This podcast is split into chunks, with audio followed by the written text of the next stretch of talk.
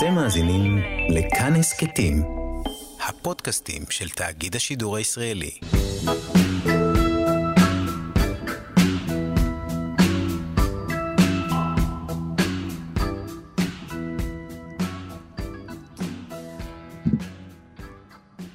המורה מהיסודי שחשבה שהוא ליצן פתחה את השביל שהוביל אותו להיות המחזה הראשי של תיאטרון גשר. האהבה לספרות הרוסית הביאה אותו ללמוד רוסית ולתרגם ממנה, והוא אולי המרוקאי היחיד שמרגיש בבית בסנט פטרבורג. אז מה הפלא שהספר הכי מוכר שלו עוסק בגלגול נשמות? אתם על נגד הזרם, כאן תרבות, אני רועי חסן, ויש לי את השמחה הגדולה לארח כאן היום בתוכנית את הסופר, המחזאי והמתרגם רועי חן. אהלן אהלן. אהלן רועי, מה שלומך? בסדר גמור, שמח להיות איתך פה. כן? כן, זה בעצם הזדמנות שלנו להכיר סוף סוף, לא? נכון. כאילו יש, זה נחמד שיש מאזינים וזה, אבל אתה יודע, באתי לפגוש אותך. להכיר, אה, להכיר במציאות, כי אני מכיר אותך קצת. גם אני מכיר אותך קצת. אז אה, אנחנו עכשיו אה, נעשה ככה את הסגירה הזאת כמו שצריך. קודם כל, בכל זאת, איך לא, עברה. עליך שנת הקורונה הזאת? בסדר? סביר? תשמע, אה, יש בתוכי כמה אנשים, אז חלק מהם נהנו מאוד, וחלקם פחות. אה, למשל, הסופר שבי היה מאושר, סוף סוף אפשר לשבת, לכתוב, אין יותר תירוצים, אפשר לקרוא, שזה גם משהו שהסופר אוהב לעשות. המחזאי שבי אה, כתב, אבל אה, חטף אה, חתיכת מכה, כי כל ההצגות שלי בעצם נעצרו. שנה וחצי תיאטרון גשר, אה, כמו כל שאר התיאטראות בארץ ובעולם, אה, רובם, אה, סגר את שעריו. ולכן אה, הצגות שלי שבדיוק יצאו, פתאום נבלמו, אה, זה היה קשה, קשה מאוד. והמתרגם, שזה היה נגיד האדם השלישי, ישב ועשה את שלו, תרגם את השחף של צ'כוב, תרגם... ממש עכשיו יצא, לא מזמן. כן, יצא אנחנו, ב... אנחנו נדבר גם על זה. כן. אז אה, בסדר, נשמע שסך הכל היה מאוזן. זה היה לכאן ולכאן. אנחנו ככה בנגד הזרם, אז אנחנו פותחים עם אה, שאלת הדגל שלנו. איך אתה מרגיש עם הביטוי הזה נגד הזרם? אתה מזדהה איתו? אתה מרגיש הוא, אה, הוא ככה? ביטוי שתיאר אותי, אני חושב, אה, מאוד בימי נעוריי כנראה, אבל אחר כך נהייתי כזה סלמון מזדקן כבר. אתה יודע, אני כמעט לא מתעסק בזרם, אני לא כל כך חושב אם זה נגד עכשיו או בעד, או אני הולך עם כל, אני עושה משהו שכולם עושים, או שאף אחד לא עושה. בשלב מסוים אתה משתחרר פשוט, כי נגד הזרם זה פשוט השוואה לזרם. בשלב מסוים אתה מפסיק להתעניין בזרם.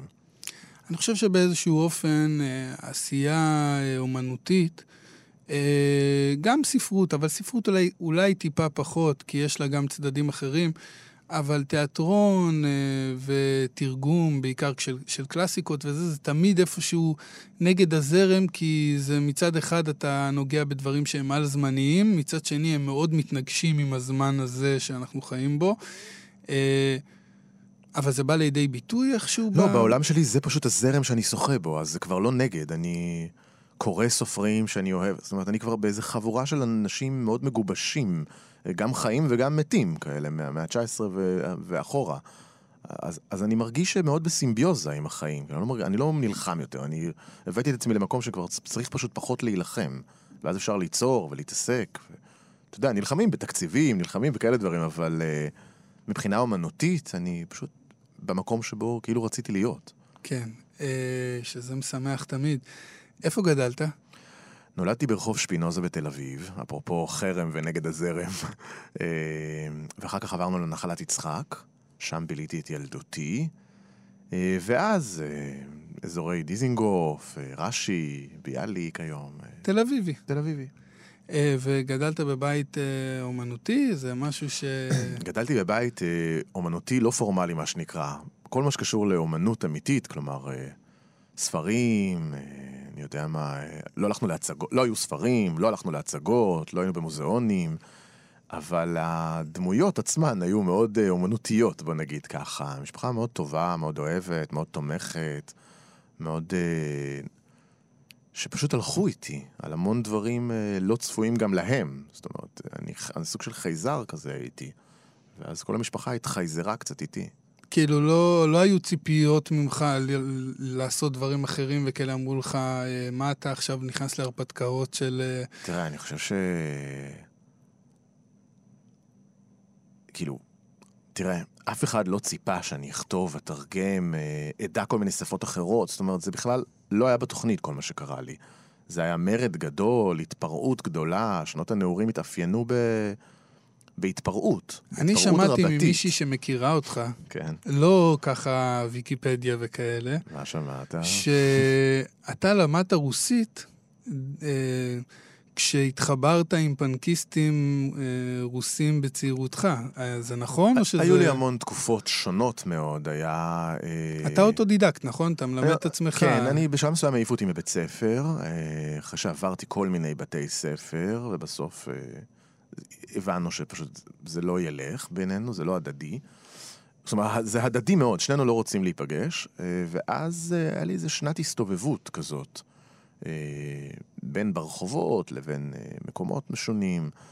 ואז באמת לראשונה ביטאתי את המילים הראשונות שלי ברוסית שכל כך רציתי. התחלתי ללמוד כי קראתי ספרות רוסית, בתרגום לעברית, ומאוד אני- התחברתי. אני אגיד לך משהו על זה. ספר. ואמרתי לך לפני השיחה שיש לנו הרבה נקודות אה, משיקות. אז יאללה, תחלוק. אז זו אחת, למשל. אני גם בצעירותי, היה לי אה, חלום מאוד גדול ללמוד רוסית. גדול. ואשתי, שאנחנו ביחד כבר 20 שנה, אנחנו יותר זמן ביחד אז הנה מאשר... עוד משהו מפתיע שאני אספר לך, גם אני ואשתי ביחד 20 שנה. יפה, אז אנחנו באמת, אה, הנה, אתה רואה? אבל אז כאילו, ועוד לא חשפנו את הפרט הכי קשה פה, עוד לא, עוד. לא, אנחנו כן, לאט כן. לאט. לאט מ- לאט. מהקל הכבד. ברור. אבל אה, אז אני אומר, ב- בשנים הראשונות שלנו ממש, היא קנתה לי ליום הולדת ערכה ללימוד השפה הרוסית. באמת. ולמה? כי מאוד אהבתי את הסופרים הרוסים ורציתי לקרוא אותם במקור. אבל מי שהוריד לי את המוטיבציה ללמוד זה דווקא הח- החבר הרוסי שלי, שהוא חבר ילדות, כי הוא כל הזמן פמפם לי שזה לא יעזור לך. אתה לא תצליח. לא, כי אמר לי, שפה זה לא- שאפשר לדבר. אמר, לא, אמר לי, אתה, אתה יכול ללמוד רוסית. זה גם, גם אני יודע רוסית, כאילו היום אני נגיד שומע רוסית, רוסים מדברים, אני מבין. וואלה. כן, 80 אחוז, 90 אחוז, אני ממש מבין. אבל, אה, מלדס, אבל אה, הוא, הוא, הוא טען בפניי שזה לא יעזור לי אה, לקרוא את הסופרים הרוסים. זאת אומרת, יש הבדל בין ללמוד לדבר רוסית, אה, ללמוד לכתוב ברוסית, שלח לבין... אותו אליי לשיחה דחופה. אז הוא הוריד לי את המוטיבציה, זה הכל עליו. אבל. אה, אבל היו, היו לי רצונות כאלה. אז איך אתה התגלגלת בעצם לתיאטרון? אה, תראה, בעצם אה, מכיתה ו' אה, הייתה איזה מורה בכיתה ו' שאמרה להורים שלי, תשמעו, כזה ליצן כזה, תרשמו אותו לאיזה בית ספר אחר. לא, יכול להיות שזה היה פשוט איזה חשק לה פשוט שאני אעוף מהבית ספר הזה. והלכתי ליום פתוח בבית ספר אומנויות, מה שנקרא היום קמפוס אריסון לאומנויות בתל אביב, והתקבלתי למגמת תיאטרון. כי לא ידעתי לנגן או לרקוד או לצייר, אז אתה יודע, אז שלחו אותי לתיאטרון. והכרתי שם אנשים שכזה מאוד השפיעו עליי, ובכלל כל העולם הזה של האומנות פתאום נפתח בפניי. שם לראשונה קראתי, ספר, קראתי ספר, לא קראתי עד אז ספר, עד גיל 14 לדעתי לא פתחתי ספר. אז פתאום פתחתי, ופתאום ראיתי הצגות, הלכנו לגשר, אני זוכר בתור גיל תלמידים. 14 זה לא כזה גיל מאוחר נכון. להתחיל לפתוח ספרים, זה בסדר. כן, אתה- תלוי אגב באיזה חברה ועולם אתה נמצא בה, אבל כן. לא, אני מבין שזה גם לא גיל נורא מוקדם, אבל כן. זה גם לא איזה... לא, לא. לא גיל ל- 40. לא, לשמחתי, כל הנעורים שלי נצבעו בצבע הזה. זאת אומרת, אה, אומנות ואומנות ואומנות. אה, רציתי לקרוא. התחלתי לכתוב מיד. עם הכתיבה כבר התחלתי, עם הקריאה התחלתי לכתוב. אה, הלכתי להצגות, ומאוד אהבתי את התיאטרון. אה, וזהו, ומשם גם הגיעה הרוסית, הספרות הרוסית, צרפתית אחר כך. ו... אז. זהו, אז הנה, פה אנחנו נפגשים עם עוד נקודה שבה אנחנו זה. אני גם למדתי תיאטרון. ואני, אחד הסיפורים הכי מעצבים בחיים שלי היו אה, קשורים ללימודי תיאטרון. זה גם סיפור שסיפרתי אותו, יצא לי לספר אותו בכמה סיטואציות, בגלל שהוא משמעותי בחיים שלי. אה, וזו סיטואציה שבגללה רציתי ממש להפסיק ללמוד, זאת אומרת, ו... אני הייתי כזה בכיתה ט', ולקראת כיתה י' היינו צריכים לבחור מקצוע מוגבר, אתה יודע, לתיכון, ואמרו לנו, פותחים איזה חוג כזה בבית הספר, לא מחייב, אה, לילדים שמעוניינים אה, ללמוד תיאטרון, שיבואו, יראו מה זה, יחוו את זה, לא מבחנים, לא אודישנים, לא שום דבר, לא גם לא משהו... ואמרתי, אוקיי, אני כבר אז קראתי מחזות ואהבתי תיאטרון, והייתה לי משיכה לזה. והלכתי ככה לחוג, וישב שם המורה לתיאטרון ואמר לי, אה, שלום, איך קוראים לך? אמרתי לו, רועי. אז הוא אמר לי, איזה רועי? רועי חסן? אמרתי לו, כן. אז הוא אומר לי, אה, אתה רועי חסן מהכדורגל? אמרתי לו, כן, אני גם משחק כדורגל. הוא אומר לי, אז תשאר בכדורגל, זה יותר מתאים לך.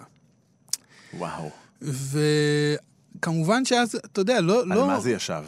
אני לא יודע, היום אני כאילו כן קצת יודע, זה יהיה תמים מצידי להגיד שאני לא יודע, אבל אני חושב שאז, אני לא חושב, אז לא ידעתי לשים את האצבע, והייתי נורא מבולבל מזה, ולא הבנתי למה הוא אומר לי את הדברים האלה, אבל אני כן הרגשתי איזשהו עלבון מאוד מאוד חזק ורציני, כי אה, רציתי ממש, קודם כל עזבתי את בית הספר הזה, ולא רציתי להמשיך ללמוד. זאת אומרת, ההורים שלי ממש לא הבינו מה קרה לי, כי הייתי בסך הכל תלמיד בסדר, אף פעם לא אהבתי את, את בית הספר, אבל מבחינת תלמיד הייתי תלמיד אחלה.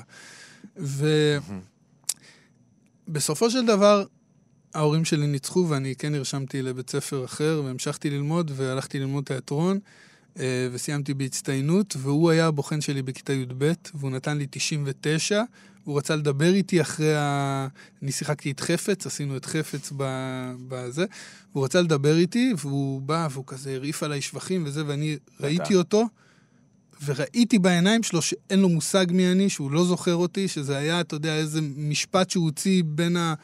ארוחת צהריים שלו או משהו כזה, כן, ושכח מזה. תראה כמה, כמה זה הולך איתנו, אה? ואני אבל, אבל אני, אני, כאילו, אתה יודע, זה היה לי כל כך אה, פתוח, הפצע הזה, שפשוט הסתובבתי והלכתי. לא נתתי לו אפילו להחמיא לי. אבל הייתה שם איזושהי סגירת מעגל, אז... אה, אתה יודע, תיאטרון זה אהבה מאוד גדולה. הדמעות של הנעורים שלנו זה הבאר שממנו אנחנו שואבים היום. לגמרי, לגמרי, לא, אני גם, אתה יודע, זה גם לא עצר אותי באיזה, בסופו של דבר. וגם בנקודה הזאת, בזכות ההורים שלי, כי אני באמת זוקף הכל לזכותם בסופו של דבר. ומאוד נהניתי מלימודי תיאטרון ב, בתיכון, וגם היום אני ככה, אה, אתה יודע, מדבר עם התיאטרון קצת, עכשיו אני כותב קצת לתיאטרון וכאלה, נדבר על זה אחר כך אולי אה, בפרטים, מה שנקרא. מעולה. אבל, אה, אבל זו אהבה מאוד גדולה שלי, ו... בוא, בוא, בוא ניגע בנקודה... איך על זה? כן? רועי. אה, כן, אני, לי אמרו את זה, אה, את הפרט הזה, ככה בכאילו סוד כזה. עכשיו, אני לא יודע אם זה סוד. מה פתאום? זה מצחיק. אבל לא, אבל אמרו לי את זה וכזה, אמרתי, אוקיי, לא, אני לא ידעתי, כאילו... מה, השתגעת? אתה בעצם סוד. רועי חסן. נולדתי בשם רועי חסן, ח' א' נ'. אה, עם א'. כן, ח' א'. נ'. שם שמקורו במשפחת אבי, שהם מין אה, מה שמכונה ס"ט, אבל יעני ספרדים של המון המון שנים בארץ, מאות שנים, הם חיו בשפרעם, ואחר כך בציפורי, סבא שלי נולד בטבריה, ויקטור חסן שמו. עוד יותר משעשע אפילו. אה. כמו הדמות, בדיוק. לא, אבל הוא שם חסון. זה... אה, כן, כן, נכון, אבל דומה. אה, אז ויקטור חסון זה סבא שלי, ואבא שלי נולד בתל אביב. אפרופו ויקטור חסון וגששים, אז לבת שלי קוראים אסי, ולאימא שלי, השם משפחה של אימא שלי הוא דיין. אם הייתי לוקח את השם משפחה של אימא שלי, אז לבת שלי היו קוראים אסי דיין. גדול. אתה יודע. אז בקיצור, אז נולדתי בשם רועי חסן, ובאמת עד איזה גיל 13 לדעתי, או 14 הייתי רועי חסן. אה, ואז הכל השתנה. כי? אה, אבא שלי שינה את השם משפחה. אה, הסיבה, אני חושב, היא באמת אותה סיבה שאתה חושד, מה שנקרא, כן? איזשהו ניסיון, איזה, איזה גיור כזה, אתה יודע, ישראליזציה כזאת. אתה שהם... דיברת איתו על זה פעם? כן, זה עלה? זה צף? זה, זה לא רק הוא, זה גם כל המשפחה שינתה. כולם. כולם, אח, אח שלו וכולי, כולם, כולם הפכו להיות חן. האמת שאני חושד בכל חן שאני שומע. כן. עכשיו, העניין הוא שבעיניי זה מאוד מצא חן אז. אה, וממש לא כדי להתרחק מהחסן, אני פשוט מאוד אוהב מטמורפוזות. וזה הרשה לי, אני גם שיניתי את השם אגב, אה, אני קראתי את עצמי בכל מיני שמות בנעורים. רועי חן, רועי חסן שהפך לרועי חן הפך לעוד כל מיני שמות אחר כך. חתמתי בשמות שונים, כאילו הייתי דמויות שונות. אתה אוהב לשחק עם, ה... עם העניין הזה של כן, הדמויות. כן, אתה יודע, אני... אני נראיתי מאוד מאוד שונה משנה לשנה. זאת אומרת, היו שנים שהלכתי עם... Uh, בקיץ, אתה יודע, עם uh, מעיל אור ארוך, מקל הליכה, כובע צילינדר וסיכה כזאת של פושקין עם פאות לחיים, והיו תקופות שהלכתי כולי מגולח, והיו תקופות שהייתי מאוד, כאילו מאוד השתניתי מזמן לזמן. ואז באיזה גיל 24 פשוט נעצרתי, וסתם נהייתי אני. וכל כך הרבה שנים הייתי רועי חן, ש... וכל הדברים הראשונים שלי פרסמתי בשם רועי חן, שאני חייב להגיד שכזה אמרו לי, אז למה אתה לא חוזר? כי אני מרגיש רועי חן. כן, זה כבר... כי אני כל אה, כך הרבה שנים רועי חן, אני זה כאילו, רוב מוקדם. חיי כן. אה, רועי חן, ולכן אה, זה אני יותר מרועי חסן. אבל נגיד אח שלי, עד היום כל החברים שלו קוראים לו חסן. כן, כן. גם לי. כן. לי אף אחד לא קורא רועי. נגיד, אני, אם קוראים לי רועי, לפעמים אני עלול לא להסתובב. זאת אומרת, עד כדי כך. באמת, גם השם מוזר לי עד היום. וואלה. זאת אומרת, אני לא... אתה יודע, גם יש לי שיר כזה על הסיפור של השם, שאני כל החיים חשבתי שאימא שלי קראה לי, הרי היו צריכים לקרוא לי יהודה. וברגע האחרון אימא שלי השתפנה, והרגישה שזה לא שם אה, מודרני, אז אה, כי אני הבכור, ואצל אבא שלי הם 13 אחים, וכל אחד שנולד לו בן בכור קוראים לו יהודה. וואלה. אז uh, אני גם הייתי אמור להיות ככה, וזה כבר היה סגור, נעול, חתום, אבל היא ברגע האחרון התחרתה, והיא קראה לי רועי. ואני כל הזמן חשבתי שאוקיי, אני לא מתחבר לשם, אבל זה בכל זאת כנראה מה, מהפסוק, אתה יודע, מאדוני אדוני רועי לא יחסר, כן. וזה, ופה ושם. מספרים לעצמנו. כן, ס- סיפרתי את זה לעצמי כל החיים, ואז איזה יום אחד אמרתי לאמא שלי, כאילו בשיחה, זה שאני לא מתחבר לשם, אבל בכל זאת אני מוקיר לה תודה על זה שהיא קראה לי על הפסוק, אז עשה לי, איזה פסוק ואיזה נעליים. קראתי לך רועי כי קראתי בעיתון שזה שם של. טייס. שזה- שם של טייס? כן, שעשו רשימה של שמות של טייסים. וואי, אני לא מכיר וזה היה- רועי אחד טייס אפילו. אני לא מכיר טייסים באופן כללי, אבל תשמע, גם אמא שלי, האמינות שלה, אני לא יודע עד כמה... היא גם אה, מספרת סיפורים. זאת אומרת, זה אולי... אה, אבל... אה, אז אתה דיברת עם אבא שלך על זה? אתה יודע מה הסיבה שהוא הוא אמר לך? היה לו איזה... היה לו טאקלים? היה לו עניינים עם השם? או שהוא כזה החליט, רצה אה, להרגיש... שאלה טובה, אני אני אערוך את השיחה הזאת אה, לעומק יותר, בקרוב. כן. אגיד לך תשובות. לא, כי אני כאילו אומר, אתה יודע, אנחנו עכשיו אה, ממתגים אותו מחדש. אני, אני בשאיפה שה, שהילדה שלי תתגאה בשם, ולא... ברור. למרות שלי אף פעם לא היה אישו עם זה. כאילו, כן? אף פעם, כן, כן. כן, גם כמו שאמרתי, תמיד קראו לי חסן, ככה שזה אפילו כן. לא... אבל בסדר. אז כאמור, רועי חן איתנו, ואנחנו עכשיו אה, נדבר קצת על הכובע שלך כסופר. אה, יצא ספר, כבר, אה, לא רוצה להגיד לא מזמן, אבל גם לא מזמן. זאת אומרת, זה איזה שנה אגב, וחצי, שנתיים הקורונה כזה, הרי נכון? היוותה מעצ- בעצם את הזמן, כן, הוא יצא בתחילת 2020. הוא היה, הוא נכנס לרשימה של פרס ב- ספיר, כן, ה- רשימה קצרה, כן. אה, שזה, כבוד גדול ושמחה גדולה, כן, שמחתי על זה אה, מאוד. כן, ספר ראשון פרוזה, נכון? אה, לא, היו ספרים לפניו, אבל הוא מין רומן כזה לא. שמאוד אה, שמחתי מה, בו. לפני כמה שנים? לפני הרבה שנים. אז כן, זהו, אז הייתה הפסקה. נכון, הייתה איזו הפסקה, והרומן הזה שנקרא נשמות, שיצא בהוצאת כתר, בעריכת יערה שחורי, אה, הוא אה, בעצם מין הפרויקט הגדול שלי. עבדתי עליו כמה שנים טובות. אה, בוא תספר עליו קצת. משהו שיצא לפני שנתיים זה כבר כן. לא ספוילרים. מי שלא נכון, קרא נכון. אותו עד עכשיו זה בעיה שלו. לגמרי. אה, נשמות, אה, יש בו שני גיבורים. גיבור אחד קוראים לו גרישה, הוא בן 40, מין אה, טיפוס די בלתי נסבל, סוציופט מעשן בשרשרת שגר עם אמא שלו בדירה ביפו, אבל הוא במצב מאוד לא טוב היום. פעם הוא נראה אחרת לגמרי והתנהג אחרת לגמרי, ופעם זה אומר בגלגולים הקודמים שלו. כי הוא מספר לנו איך שהנשמה שלו מתגלגלת כבר 400 שנה, מגוף לגוף, מארץ לארץ. אה, זה סיפור אה, היסטורי כזה, וירטואוזי. אה, אה, שעשיתי לו תחקיר מאוד גדול, באמת חמש שנים כתבתי את הרומן הזה, ובעקבותיו נסעתי לכל המקומות שבהם גרישה התגלגל, אלא שגרישה הוא לא רק הגיבור היחיד ברומן הזה, הגיבורה השנייה זאת אימא שלו, מרינה, שהיא פונה לקוראים, קצת כמו בתיאטרון ככה, שוברת את הקיר הרביעי, פונה לקוראים ישירות, ובעצם מסבירה להם שזה הכל אה, קשקוש בלבוש, שבכלל הבן שלה מדמיין דמיונות, ואל תאמינו לו. ויוצרת לנו סיפור מקביל. אומרת, הוא לא נולד בוונציה במאה ה-18, הייתה תקופה, היה בן 18, היה לנו נזילה בביוב, כל המסדרונות היו נהרות של מים, תעלות, אז הוא חושב שהוא היה בוונציה. ובעצם מנמיכה, ככה מורידה אותו כן. לקרקע. והקורא קצת צריך לבחור אם הוא הולך עם גרישה והגלגולים שלו, או עם אימא וסיפור ההגירה שהיא מציעה לנו. אה, במובן מסוים, הגירה היא גלגול, אה, מטמורפוזה, כן? אנשים משנים שפה, משנים את הקול שלהם, משנים את המראה שלהם, את הטעם שלהם, לפעמים את הדעות הפוליטיות שלהם. ומכיוון שאני מאמין בגלגולים בעודנו בחיים, אבל גם, אבל זהו, שזה לפעמים לא צריך שיהיה משהו פיזי כ- כדי אני- שבן אדם יעבור את. כל מה שאתה, כל מה שאתה מתאר עכשיו, כי לדעתי זה דברים שאנשים עוברים כל הזמן, גם אם הם נולדו וחיים באותו מקום. אני חושב שההגירה מהילדות לנעורים, מהנעורים לבגרות, היא גם הגירה. זה גם גלגול. נכון. אתה מסתכל על תמונה שלך מגיל תשע. נכון, אתה צריך לז- בך... אתה צריך לזהות שם.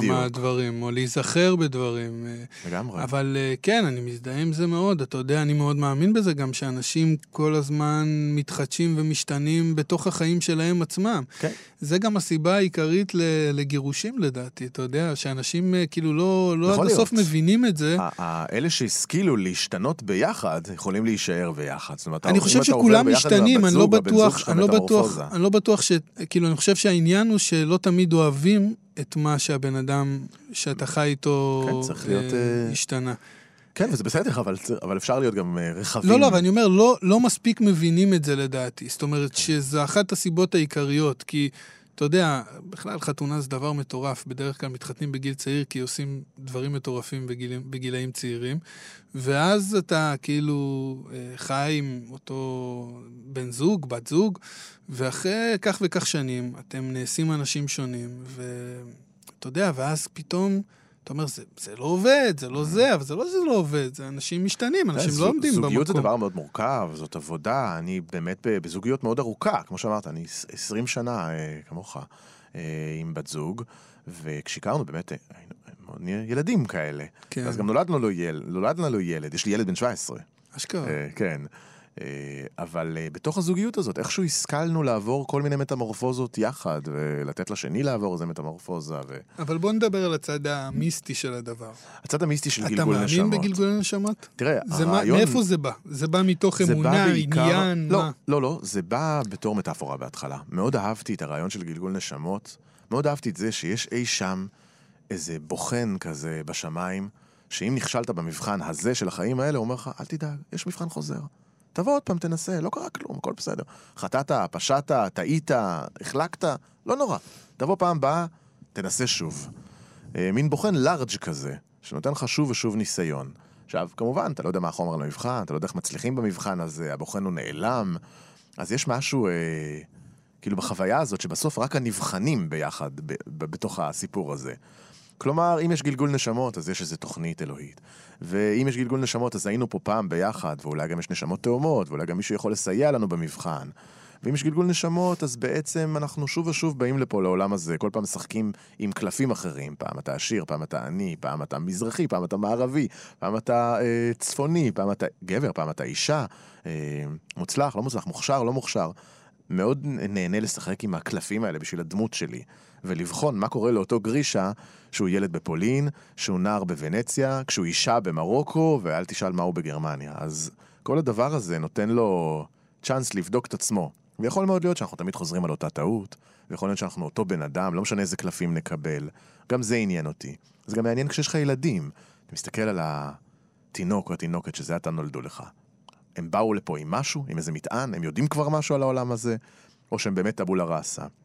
אני מתקשה להאמין שהם טבולה ראסה. אתה יודע, מסתכל על תינוק, אני לא רק שאני לא מאמין, אני גם מקבל מהבנות, מהבת הגדולה שלי בעיקר, אה, אתה יודע, מסרים כמעט ברורים, כאילו, בקטע של, אתה יודע, אולי אני מתרגם אותם כמסרים, אבל היא אומרת לי דברים שאני לא יודע איך לאכול אותם, אתה יודע, לא, לא מזמן היא אמרה לי אה, על זה שהיא אמרה לי על איזה משהו...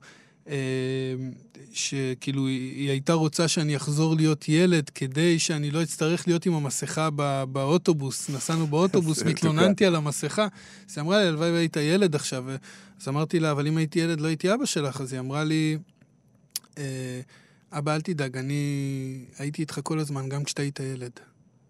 איזה מתוקה. זאת אומרת, זה, זה, זה אז דברים אתה ש... מבין, מצד אחד כל הדברים האלה נורא מרגשים אותי, כמו ההרגשות שהרגשתי כשהייתי בכל מיני מקומות בעולם, אם זה במרוקו שנסעתי אליה במיוחד בשביל לכתוב את הפרק במרוקו בנשמות, והרגשתי אה, באמת עוצמה אדירה פנימית, זאת אומרת איזה קשר מאוד גדול למקום. אבל מצחיק הוא שהרגשתי בדיוק אותו דבר בגטו היהודי בוונציה ובפטרבורג או במוסקבה, זאת אומרת, אה, בסוף ההרגשה הזאת זה משהו, אולי איזה כמיהה לקשר עם העבר, עם המקום הזה שאנחנו נמצאים בו, פשוט להיות פחות תלוש. זה מין מצב טבעי כן. כזה שאתה מרגיש. אה, בשביל זה הבאתי את מרינה לרומן הזה, שתסביר לנו שזה הכל שטויות, וצריך לחיות את החיים האלה עכשיו, בזמן שאתה מתלבט, אם כן יש עולם הבא, אין עולם הבא, יש אה, גלגולים, אין גלגולים, אתה מפספס את החיים האלה, שהם מורכבים מהדברים הפשוטים, קום בבוקר, לך לעבודה. שזה גם הרמה הרוחנית הכי גבוהה ש... שאי פעם נוכל להגיע אליה, זה המצב הזה שבו אנחנו חיים. זאת אומרת, את הרגע הזה, כן. אה, זאת אומרת, אתה יודע, שום דבר הוא לא יותר גבוה רוחנית מזה. זהו, אה, בשביל זה אני בסופו של הרומן הזה אומר שאני אתאיסט, אבל אתאיסט, אה, אתאיסט יהודי. זאת אומרת, אני יודע בדיוק באיזה אלוהים אני לא מאמין. כן. אני, אני לא אתאיסט, אני כאילו בדיוק הפוך, אה, כאילו בדיוק הפוך. אין, אין, אין, בדיוק בסיפור הזה, אבל אני הפוך. אה, אני אדם מאוד מאמין, וגם מאוד מאמין אה, בגלגול נשמות. זאת אומרת, אני לא יודע אם אני מאמין בגלגול נשמות, אבל יש לי משיכה מאוד גדולה לזה. כן, אני מבין אה, אותך. אני בכלל, תראה, בכלל יש לי משיכה עצומה ל- לעולם המילה משהו, היהודי. יש בזה משהו שהוא הוא כל כך מופרע וכל כך מעניין, שפשוט בא לך שזה יהיה נכון. כן, שזה אפילו לא משנה, אתה יודע, זה לא משנה. אני אומר, גם ככה, אתה יודע, אחד הדברים שהכי משגעים אותי, נגיד, בתגובה של אנשים לאומנות, זה שאומרים, אני לא מבין את זה. אז אני אומר, אז מה? כאילו, זה, זו תגובה שהיא מבחינתי לא קבילה, זה לא, לא מתקבל. כאילו, אהבת, לא אהבת, אתה, אתה, זה, אבל מה זה אני לא מבין את זה? מה אתה מבין? אנחנו לא מבינים 99% מהדברים שקורים לנו בחיים, אנחנו לא מבינים כלום. אז את זה אתה לא מבין, כאילו? אז בא, באותה נשימה אני מדבר על העניין הזה של הנשמות והגלגולי נשמות וכל הדבר הזה. כשאני קורא, בעיקר בספרי קבלה, ואמרתי לך קודם, אה, ספר החזיונות של רבי חיים ויטל, בעיקר, אתה יודע, זו ספרות שדפקה לי את המוח בקטע אמיתי. עכשיו, אפרופו תיאטרון, אני לא הפסקתי לחשוב על זה אה, מומחז ועל במה.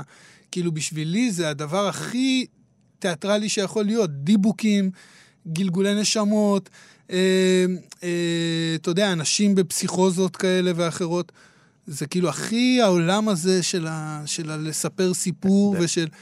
אה, באמת, באמת בגשר, התעסקתי בזה המון, גם בדיבוק שעשינו, גרסה שכתבתי לאנסקי, וגם בשבי סינגר שהעלינו, ועוד, אני מאוד נמשך לחומרים האלה, ואפילו עכשיו, דיברנו ככה בק- בקטנה בזמן הזה, בזמן הפרסומות, שהעליתי הצגה, זאת אומרת, כתבתי מחזה חדש שמבוסס על כתבי רבי נחמן, על מעשיות רבי נחמן, שביים אמיר וולף בתיאטרון גשר, נקרא האוצר מתחת לגשר, היה לי מאוד חשוב להביא לילדים סיפור כמו ההינדיק של רבי נחמן. או את הסיפור עצמו, האוצר מתחת לגשר. חיברת כמה כן, מעשיות שזרתי כל מיני לכדי מעשיות. מעשייה לכדי אחת? מעשייה אחת, כן. לכדי סיפור מסע של גיבור בשם פלוני אלמוני, שיוצא לחפש אוצר ומוצא בדרך חברים. אה, ויש, ומוצא את בת מלך ומתאהב, ומוצא איזה גזלן שהופך להיות חלק מהחבורה. והם כולם באמת אה, פרומים, נקרא להם, שלא נאמר שבורים. אה, והם מייצגים איזה שוליים כאלה, שהילדים מאוד מזדהים איתם, כי הם פור... כזה פורקים כל עול, הם חבורה פרועה ומגניבה מאוד, שמסתובבת יחד בחיפוש אחר אוצר, ובעצם מוצאים את החברות ביניהם. אבל לכל אחד יש גם סיפור שונה, שהוא המעשיות של רבי נחמן בעצם. מצב התיאטרון בארץ. איך הוא? אה, תראה, מצד אחד, מופלא, מכיוון שהאולמות מלאים. אה, חזרנו אחרי לי- הקורונה, שאלה ואנשים שהיא- מאוד יש לי מתגעגעו. שאלה שאולי היא גם עם תשובה. אז כאילו, קדימה. מתנצל מראש על ה... לך על זה. אני אומר, מצד אחד, כשאני מגיע לתיאטרון, אה, לצערי בשנים האחרונות זה לא קורה יותר מדי, הקהל שאני, אני, אני כאילו ביפר הכי צעיר באולם. ברור. בעיה ידועה, מוכרת, מדוברת הרבה. עכשיו התשובה לזה, או שלא תשובה, או שאלה על שאלה, אני לא יודע אם זו בעיה. זאת אומרת, תראה, קודם כל זה בעיה, אומרת, אני אגיד לך לא איפה הבעיה הכל- הזאת. אולי, ב- אולי לא הכל אמור להיות לא, לא. לצעירים, אולי לא, אני לא יודע. לא, זה לא נכון, לא כי יודע. אני בתור צעיר הלכתי לתיאטרון ומאוד אני, מאוד נהניתי. גם אני, בגיל צעיר הלכתי הרבה יותר לתיאטרון, אבל אני מרגיש גם ככה כשאני הולך לקונצרטים. אני אוהב מדי תקשיב. פעם ללכת לקונצרט של מוזיקה קלאסית. אני אומר לך, אני כאילו, כולם שם 50 שנה ומעלה מעליי. כן, זאת אומרת, כן. 30, בוא- בוא 40. נתחיל- בוא נתחיל בתוכן ואחרי זה בצורה. התוכן. קודם כל, 90% מהמוזיקה בעולם אני לא אוהב, ו-90% מהספרות שאני קורא אני לא אוהב, 90% מההצגות שאני רואה אני לא אוהב. אז יש באמת אחוז מסוים של דברים שמתאימים, אה, זאת אומרת, לך, או לי, או לכל אחד אחר. אז אה, נכון, הרוב יכול להיות לא זה, אבל פתאום אם תמצא את ההצגה הנכונה, אתה אתה לא תחפש אותה תמצא, תמיד כל לא, החיים אתה אחר לא כך. תמצא, אתה לא תמצא אם אתה סוגר לעצמך את האופציה מראש.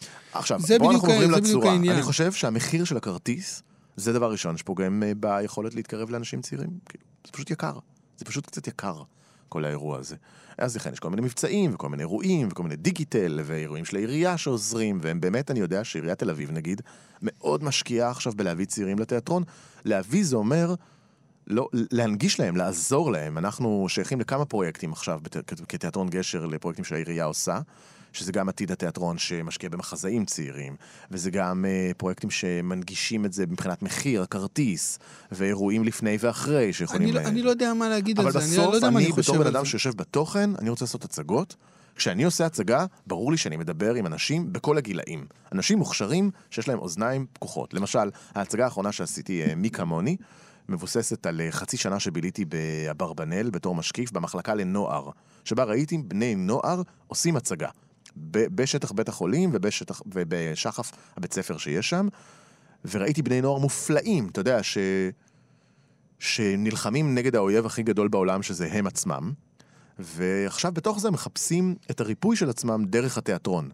ואתה יודע, תמיד אומרים שאומנות מרפאת וזה, ואני אפילו מתנגד לזה איפשהו, כי זה נשמע לי נורא מתנשא, ושם באמת לראשונה ראיתי את זה. ראיתי בני נוער, ילדה שלא אוהבת את הקול שלה, שלראשונה עולה ועושה מונולוג, שרה.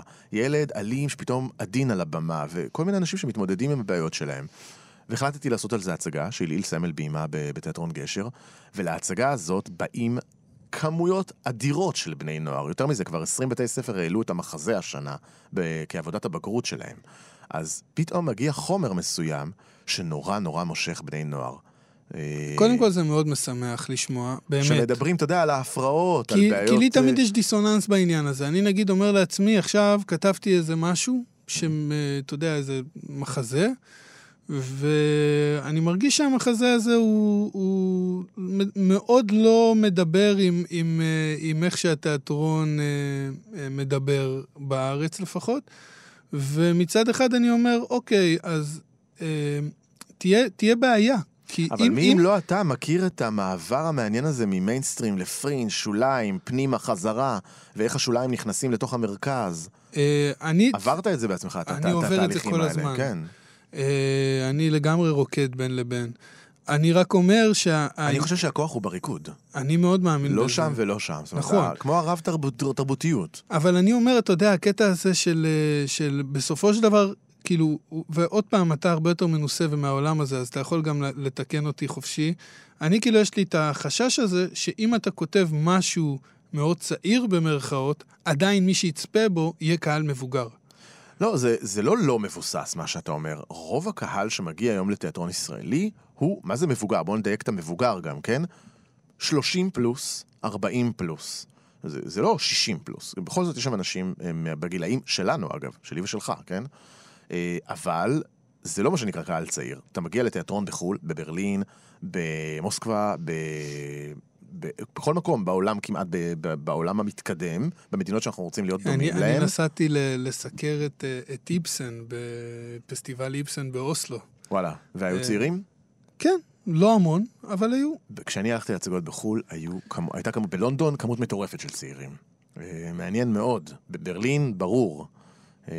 הם מקבלים שם תכנים שמדברים עליהם גם. כשעשינו את המנהרה, עוד פעם, מלא אנשים לפני גיוס, אחרי גיוס, בזמן גיוס, הגיעו לראות את ההצגה הזאת וגילו הצגה שמדברת עליהם. נשמע שאתה, שאתה אופטימי ושאתה בסדר עם ה... אני חייב להיות, אחרת אני הייתי יושב ומקטר בתיאטרון, אוי לא נותנים לי, אוי לא עושים לי, אני צריך לעשות בשביל שיהיה, אז אני משתדל. האמת שאני אני מאוד אוהב את זה, אני מזדהה עם זה. אני גם, אני גם באיזשהו אופן ככה, כאילו, מעדיף להיות אופטימי ו- ולהיות עסוק בעשייה ולא להיות uh, עסוק ב... ב... בדיון על עשייה, כן. כן. Uh, אנחנו מתקרבים לסוף התוכנית, אז uh, אנחנו נשאל ככה, מה התוכניות uh, לעתיד? יש כאלה? אתה, אתה, אתה כן. יודע, לא סתם שואל, כי לא שאין, לא שאני חושב שאין לך תוכניות לעתיד, אבל אתה יודע, יש כאלה שחיים יותר את, ה, את היומיום, ויש כאלה שיש להם כזה... לא, אני בן אדם די היסטרי באופן uh, פנימי. זאת אומרת, אני, כשאני, אם עובר יום ואני לא כותב למשל, אז אני כמו ספורטאי שלא התאמן. אני מתחיל להרגיש שאני מחליד. אשכרה. Uh, אני ממש מלכה את עצמי. זאת אומרת, אני, אני כאילו קבלן מאוד לא קשה לעבודות שלי. זה מאוד מרוקאי מצידי, אגב, הלקאה עצמית דווקא? לא. במשפחה מהצד של המרוקאי שלי, כבר עלק, לא עשית כלום. אבל אני, אני מעביד את עצמי קשה, אז אני כותב כמובן את הספר הבא אחרי נשמות כבר. אה, אני מתעסק קצת הרבה עם האירוע של נשמות בחו"ל, כי הוא תורגם לרוסית, תורגם לאיטלקית, תורגם לעוד. שפות, שזה כיף מאוד, אבל זה גם הרבה עיסוקים, אבל אני משתדל בכל זאת לכתוב את הבא, ותמיד ההצגה הבאה אה, בגשר, תמיד הפרויקט הבא בגשר, אני מלווה מחזאים צעירים, שזה כיף גדול. אה, אני עובד, עובד, בלי סוף, מתרגם, כותב. מדהים. אה, טוב, אז הנה, הגענו עכשיו רשמית לסיומה של התוכנית. אה, רועי חן, תודה רבה. תענוג להכיר אותך. היה לי ממש כיף. אה, אתם הייתם על נגד הזרם, כאן תרבות, אני רועי חסן, אני איתכם כאן גם בשבוע הבא, אותה שעה, אותו מקום, בעזרת השם. להתראות. אתם מאזינים לכאן הסכתים, הפודקאסטים של תאגיד השידור הישראלי.